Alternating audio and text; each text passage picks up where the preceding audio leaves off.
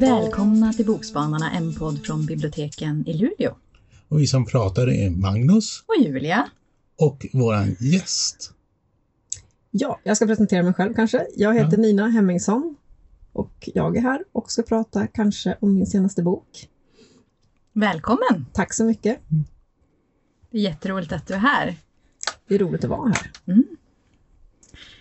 Jag tänkte, det är ju din första roman, Ja. Rum utan titel.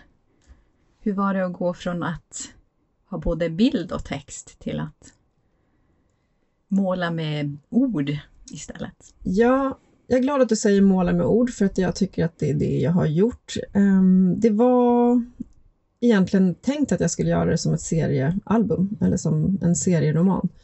Eh, Och jag började också skriva det som ett manus till en serie, en lång serie då. Eh, Men då när jag skrev det där manuset, då fick jag liksom bara lust helt enkelt att fortsätta skriva.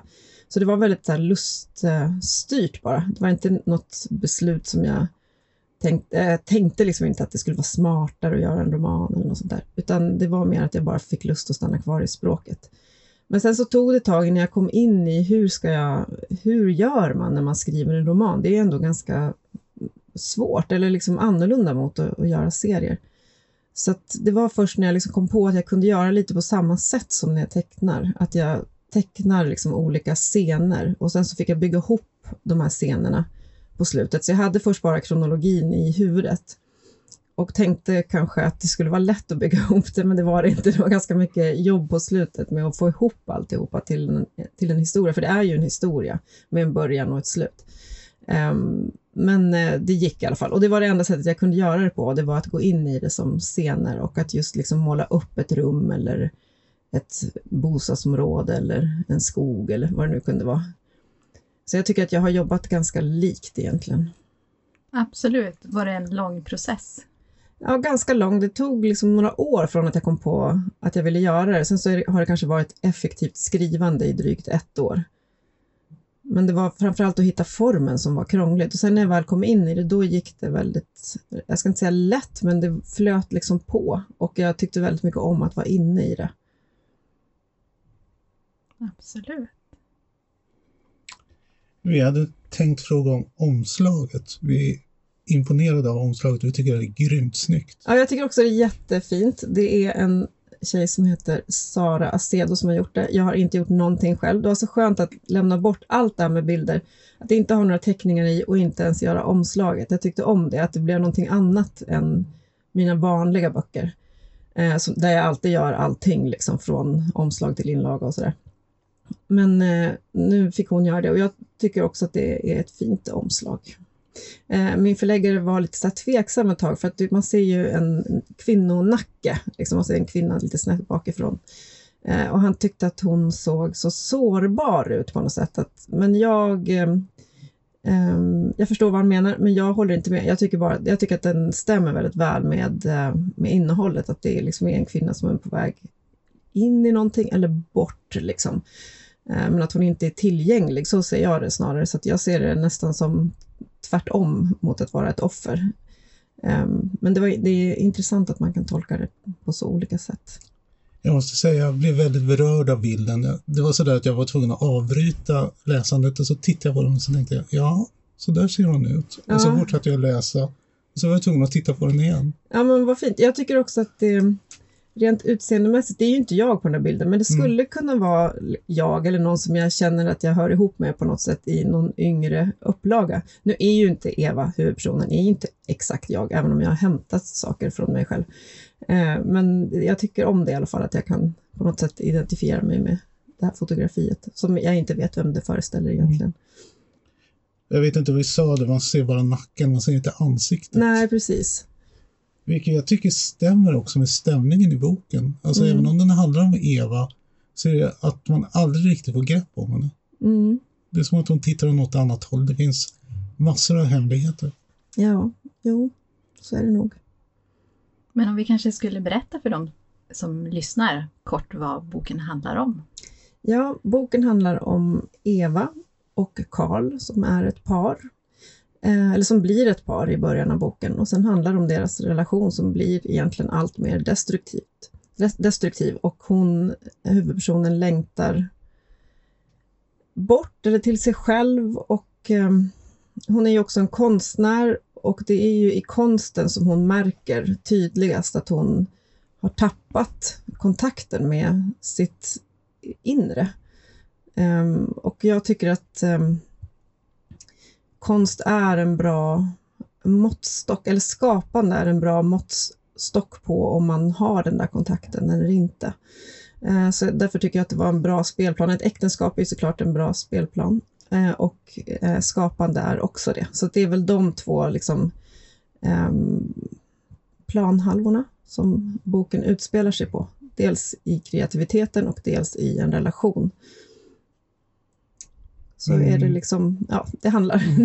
det, det, blir ju ett slut då på det här mm. eh, och det får man väl se om man läser boken, men det är mm. en historia om hur hon tar sig an det här, den här situationen hon har hamnat i. Och det handlar ju egentligen väldigt mycket om eh, eh vad, vad man gör mot sig själv för att eh, um, höra ihop med um, en annan människa i en relation, också med samhället i stort. Hur, hur långt är man beredd att gå för att vara en normal människa och för att vara ytligt sett lycklig och lyckad?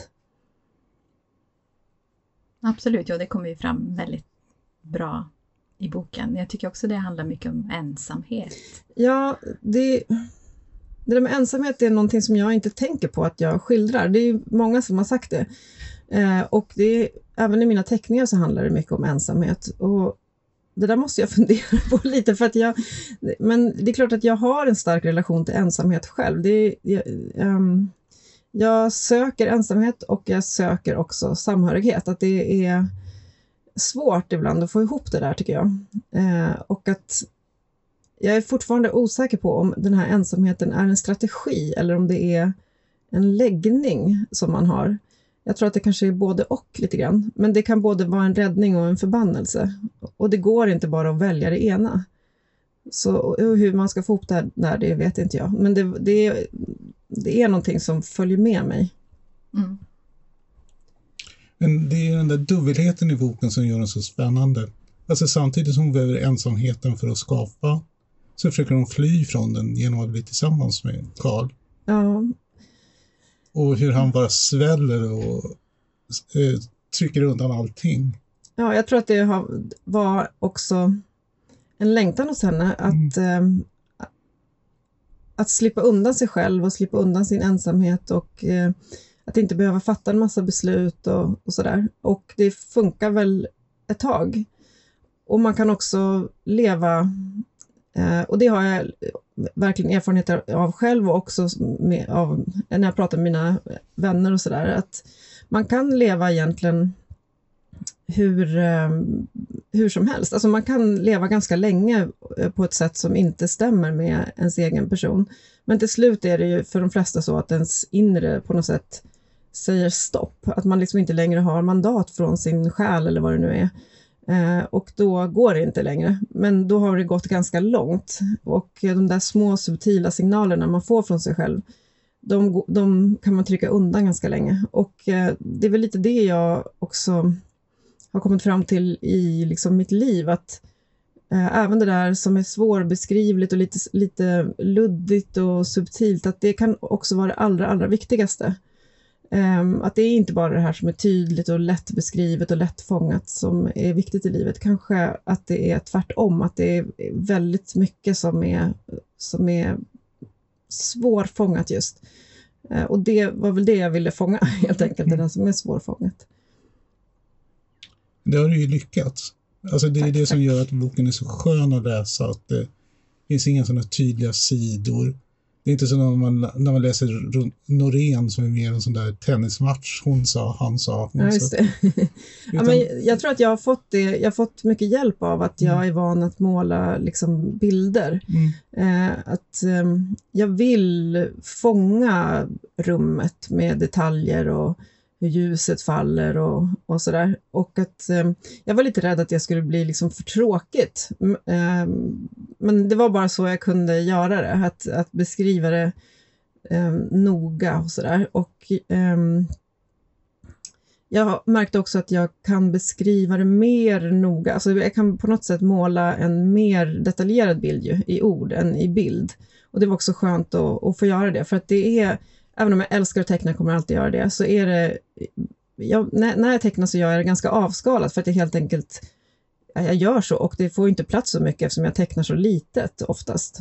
Eh, och då var det så skönt att kunna liksom bre ut sig, att verkligen måla upp bilderna ordentligt. Jag tycker det är tydligt i din beskrivning av kläder. Ja, ja men kläder är, det är viktigt. Jo, alltså det är väldigt viktigt. Och det, det tycker jag också är viktigt i tecknande, att jag liksom, som de tanter som jag tecknar till exempel, de ser ju inte ut som tanter gör nu, utan de ser ut som tanter gjorde när jag var liten. Att man har sina så favoritbilder på något sätt. Ehm, och eh, det tyckte jag i och för sig var svårt när jag skulle skriva, för att jag vissa saker är så... Eller jag tycker att min estetiska världsbild, den, den skapades liksom när jag var kanske runt sju år gammal, alltså någon gång på 70-talet. Och nu var, det här är ju en samtida bok, så att jag var tvungen att beskriva saker som inte jag är van att beskriva. Jag måste ha med mobiltelefoner och liksom moderna saker. Och det, det var eh, lite svårt, för att jag tycker att de här, det är så fult med moderna saker. Och jag tror att jag delar det med ganska många författare, för att jag tycker inte att mobiltelefoner är ofta inte så närvarande i romaner som de är i verkliga livet. Eh, det gäller inte alla förstås, men ganska många har jag tänkt på att de, liksom, man, man värjer sig lite från det. Eh, men det, jag var ju tvungen att ta med det för att det skulle bli trovärdigt helt enkelt. Ja, absolut. Alla är ju på sina telefoner och scrollar hela Ja, tiden. ja, visst. Och det är också så man kommunicerar. Eftersom boken handlar mycket om kommunikation så måste ju en del av kommunikationen ske via mobilen. Det, det är bara så. En knäckebröd i sängen. Det, det är en av de absolut roligaste scenerna i boken som jag tänker förstöra nu. Ja. Det är liksom när de grälar och hon går ut med eh, hårdbrödmackan och Karl blir upprörd för han tror att hon ska gå in i sängen och äta den. Mm. Ja, det är ju det här vad, vad saker betyder för olika personer. Det kan ju vara, om hon nu skulle lagt det där och ätit den här mackan, för en person kan ju det betyda att hon ligger i sängen och äter en macka. För en annan person kan ju det betyda att, att om hon gör så där, då älskar inte hon mig. Alltså det, det är liksom, även om det är en väldigt alldaglig situation så, så betyder den mycket i en relation. Absolut. En scen som jag tänker på är ju eh, den med Karl i badkaret när han berättar någonting som har hänt honom. Mm. Och läsaren får ju inte veta vad det är. Nej. Jag tänkte, funderade du någon gång på att beskriva vad det var eller var alltid tanken att vi inte skulle få veta som läsare vad, vad han berättade liksom om sin barndom som hon ändå kände att nu öppnar han sig att visa kärlek. Ja, nej, jag Nej. ville inte det, för att jag, jag, jag visste hela tiden att jag inte skulle berätta. Mm. Ehm, och ehm, det var också en sån här diskussion med min förläggare. Han, han tyckte kanske att det blev lite kryptiskt och sådär, men för mig så var det inte viktigt att, att jag skulle... ehm, jag ville inte lämna ut honom för mycket, för att den jag skildrar mest är ju Eva. Mm. Och eh, då tycker jag att ehm, man behöver inte veta det där om honom. Eh, men bara, bara att det hände. Ehm, och sen vet inte jag hur, hur det till slut funkade, liksom. men, men jag ville hålla det. Ehm, Ja, nej, men jag, jag tycker att det är bra för då, eh, då det kan ju så lätt att man lägger in en värdering då i vad som hände, vad det nu var som hände, ja. eh, som kan som påverkar kanske. Jo, men nu vet jag också, jag tänkte, jag, jag tänkte så här, jag ville inte försöka förklara honom, Mm. om du förstår vad jag menar, Ja, jo. utan jag ville försöka förklara Eva. Det, var, det är hon som liksom är den viktiga och då, då kändes det liksom som att jag jag, jag ville visa någon slags respekt till honom också och Mm. att eh, han har ju så, såklart sitt eget universum och sina egna anledningar till allting, men eh, jag vill inte ge mig på det för att jag, jag kan inte det och Nej. jag vill inte det. Det var inte hans historia utan det är Evas historia. Om man tänker det där med familjeterapi, alltså det är ju den hemskaste familjeterapeut jag stött på i en bok. Ja, Eller, Jag tror att hon framstod som lite värre kanske än vad jag hade tänkt mig också. Men det blir ju lite att man, man målar upp det som en teater, man måste göra det lite drastiskt liksom. Eh, men egentligen så är det faktiskt så att det är ju ehm, det här projektet som hon försöker hjälpa till att rädda, det här äktenskapet, det är ju bortom räddning. Det är redan så när de kommer in i det där rummet, det går inte att rädda det här. Och ehm, det är ju också en aspekt av det här att, det, att Eva säger ju inte vad hon vill och, och vad hon egentligen tänker, utan allt det händer ju, eller det mesta av det händer ju inne i henne.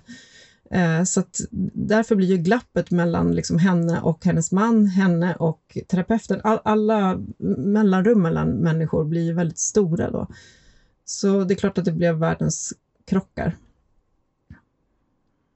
Men det är bra, alltså det ger en nerv åt boken och man känner verkligen för Eva. Ja, vad bra. Eh, vi har ju inte pratat, hon har ju faktiskt barn. Ja. Och, det, och det är väl det som gör situationen ännu mer komplicerad. Om det bara hade varit två vuxna så hade det väl gått lättare att lösa upp äk- äktenskapet. Jo, verkligen. Det är ju barn som eh, gör det svårt och det är också där det blir extra smärtsamt. Därför att i den här jakten, eller vad man ska säga, på lycka och samhörighet så kan man ju, man kan ju begå våld på sig själv, men när man också begår våld på sina egna barn till exempel, eh, för att få ihop det här, då blir det ju mycket mer akut och det blir också mycket mer smärtsamt när man märker att man inte bara sviker sig själv utan också sina barn. Ehm, så det gör det ju såklart ännu mer, ja, ännu värre och mer akut, skulle jag säga. Men det var, det, jag tycker att det, det var svårt att skriva om barn. Um, för att det är en otroligt viktig relation man har till sina barn. Eh, det är de viktigaste relationerna egentligen. Och um, ja, det är svårt helt enkelt för att det är så viktigt och för att eh, barnen har ju också sina egna universum och är liksom komplexa personer och sådär. Men, ehm, ja, men det var viktigt att ha med dem, för det är ju i nästan alla äktenskap så finns det ju barn som man måste ta hänsyn till och ehm, som gör situationen mycket svårare. Absolut, och så när det finns massa förväntningar också, alltså att moderskapet i sig ger med sig massa Verkligen. förväntningar och, och kanske skuld, skuldkänslor och annat som också eh, tar stor plats i en relation. Ja, och i ens eget liv, Ja. om man blir kritiserad som, ja, som människa på olika sätt så kan man ofta ta det, men om man blir kritiserad som mamma, det är ju väldigt svårt att stå emot då. Då vill man ju verkligen att- man, man vill ju vara en bra mamma helt enkelt och Mm. att andra ska se en som en bra mamma. Det räcker inte, tyvärr inte med att man vet själv att man är en hyfsad förälder, utan man, man vill gärna att andra ska se det också. Eh, och då, där blir man ju också mer sårbar, tänker jag. Eh, Mm. det är också med i boken när huvudpersonen Eva är hos eh, en psykiater som eh, vill skriva ut medicin till henne och som då frågar, men du, du, vill ju, du vill nog bli en bättre mamma, du vill väl bli det eller någonting. Och då kan hon inte, då kan hon inte, för hon är ju rädd att äta medicin för att förlora sin kreativitet och sådär. Men, men om mam, moderskapet ligger i potten, då kan man inte, då är det svårt att, att säga nej helt enkelt till en behandling. Eh, Det blir mer komplext att hon har ju barn med två pappor. Ja, Och Josef då, hennes äldsta son. Det är ju som att relationen fungerar bra mellan honom och henne. Men så fort omvärlden kommer in ja, så blir det fel. Ja, det är ju som att det är små öar som aldrig eh, går ihop till någon slags kontinent. Eh, och ehm, ja, det blir ju... Jag tänker att den här Josef är som någon slags liksom, katalysator på något sätt. Det, det blir väldigt tydligt hur dysfunktionell deras relation, de vuxnas relation är då. Han gör ju egentligen ingenting annat än att vara ett barn bara, men, men eh, han triggar en massa saker. Eh, hos Karl då kanske framför allt. Då ska vi se, jag tänkte också på det här eh, titeln. Ja. Var det arbetsnamnet också på romanen eller kom den senare? Nej, den kom senare. När, när jag hade tänkt att det skulle vara ett um, seriealbum, då skulle den heta Skjut mig. Men då hade jag också tänkt att skruva upp allting mycket mer, Mm. liksom, att det skulle vara mer som någon, liksom, ah, det skulle vara mycket mer dråpligt eller vad man ska säga. Eh, och så det passade liksom inte. Eh, och sen så ah, den kom för att eh, jag skrev så mycket om rum liksom, och att de här rummen aldrig liksom, riktigt boddes in. Och, ehm, och sen handlar det också om att om henne, alltså det är för att få in också konst. Eh, jag vill ha mer konstperspektivet i titeln. Och sen så var det att jag skrev någonstans att de här rummen blev aldrig döpta eller något sånt där. Och då Mm. bli- gav det liksom sig självt. Mm. Jo, men det är jättebra för det är verkligen koppling både till konsten och till hemligheter och till som du säger obebodda rum kanske hos sig själv som man inte vill Ja, precis. möta. Ja, det kan vara både hos sig själv och Mm. i det man försöker bygga upp med någon Ja. annan. För det som är lite sorgligt då i den här historien, det är att, att det är som att den här, det här äktenskapet är en dröm. En ganska fin dröm från början, men som aldrig blir någonting annat än en, en intentioner och drömmar. Eh, och att det verkliga livet får liksom stå tillbaka då. Mm. Alltså rummen sitter ihop med makt och status också. Ja, verkligen. Alltså där Karl får det extra rummet i lägenheten Mm. och sen motsätter sig när hon skaffar sitt eget rum utanför. Nej men absolut, och det är ju också just den här scenen med eh, det extra rummet i lägenheten, då, eller i radhuset där, då är det ju inte... Ja, det är ju han som föreslår det på sätt och vis, men det är också hon som föreslår att han kan ta det där rummet. Det är, det är ju det som jag varit mest intresserad av, hur hon liksom eh, gör avkall på sig själv och sina behov och sådär. Eh, för det är det som är den stora gåtan, tycker jag, i livet. Vad, vad, man, vad man gör själv, mot sig själv. Eh, så jag har inte egentligen velat ehm, måla upp en bild av att hon blir utsatt för en massa saker. Det blir hon ju i och för sig, men det är också att hon låter sig utsättas och eh, utsätter sig själv. Och varför hon inte gör någonting åt det tidigare och varför hon överhuvudtaget är där. Ehm, ja. Men det är väl styrkan i boken, tycker jag. Alltså det här vardagsvåldet. Ja, Eller våld.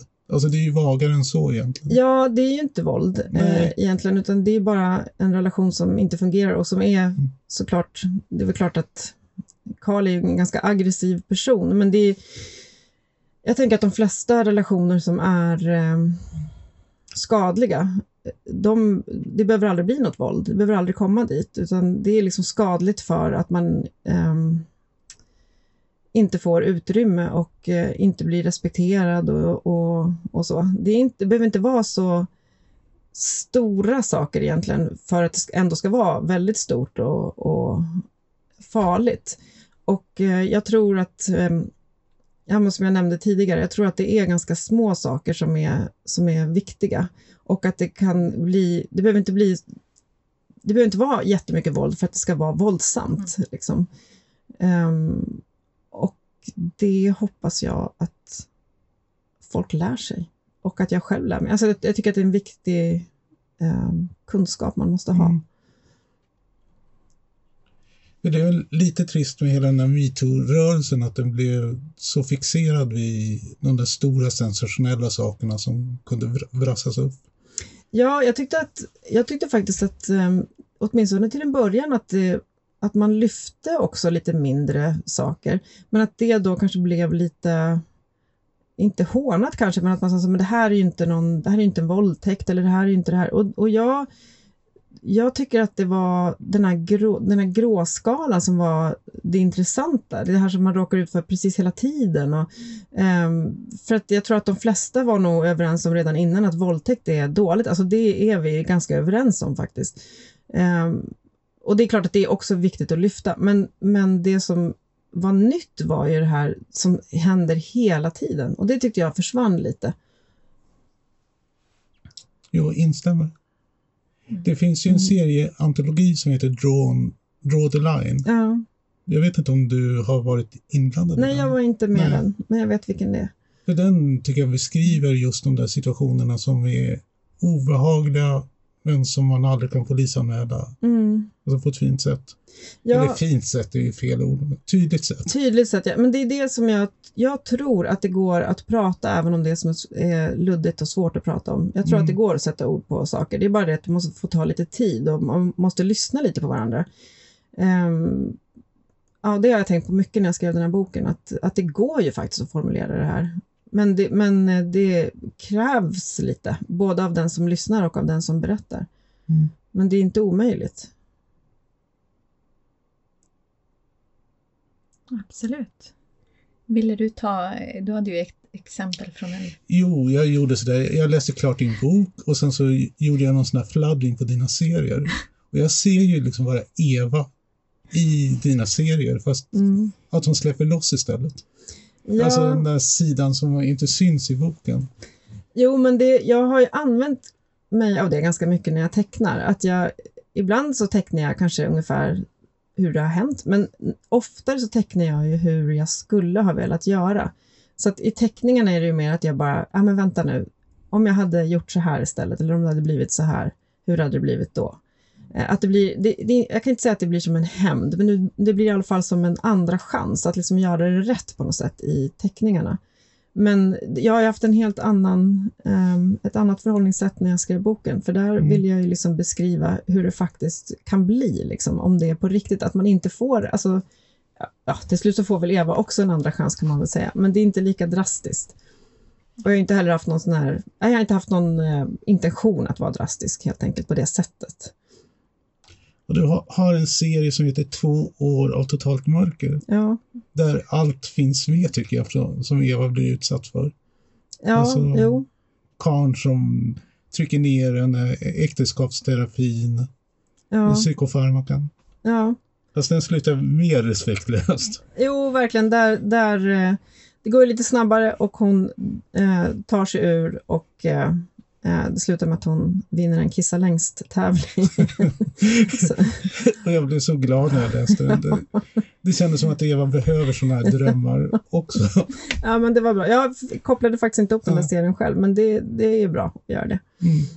Ja, alltså, det blir ju sådär när man läser och associerar så kopplar man ju på ett annat sätt. Ja. Och det har ju inte något med dina intentioner att göra, utan det är min tolkning. Ja, nej, men det, det är helt i sin ordning. Jag måste säga att jag är väldigt dålig på att förstå vad jag gör när jag gör det. Alltså Mm. även sådana helt uppenbara saker som jag skriver om, även när jag tecknar. Att, eh, att, och det är det som gör att jag ibland känner mig så um, naken, liksom. för att jag, jag vet liksom inte vad det är jag håller på med. riktigt. Jag går ju väldigt mycket på så lust och känsla. Liksom.